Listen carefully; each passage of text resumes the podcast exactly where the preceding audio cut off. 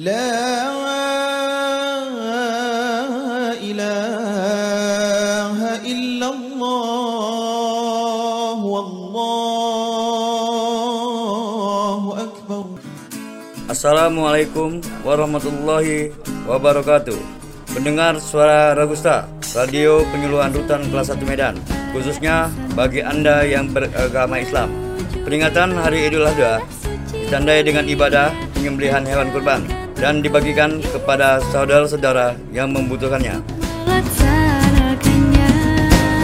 Mari jadikan hikmah pengorbanan yang tulus dan ikhlas dan rasa saling berbagi menjadi motivasi bagi para WBP dalam berinteraksi selama di Rutan Kelas 1 Medan dengan terus menjaga kebersamaan dan keberagaman sesuai arahan Bapak Karta. ilah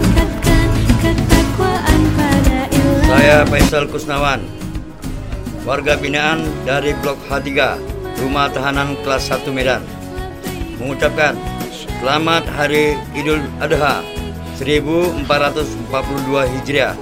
Minal aidin wal faizin. Mohon maaf lahir dan batin.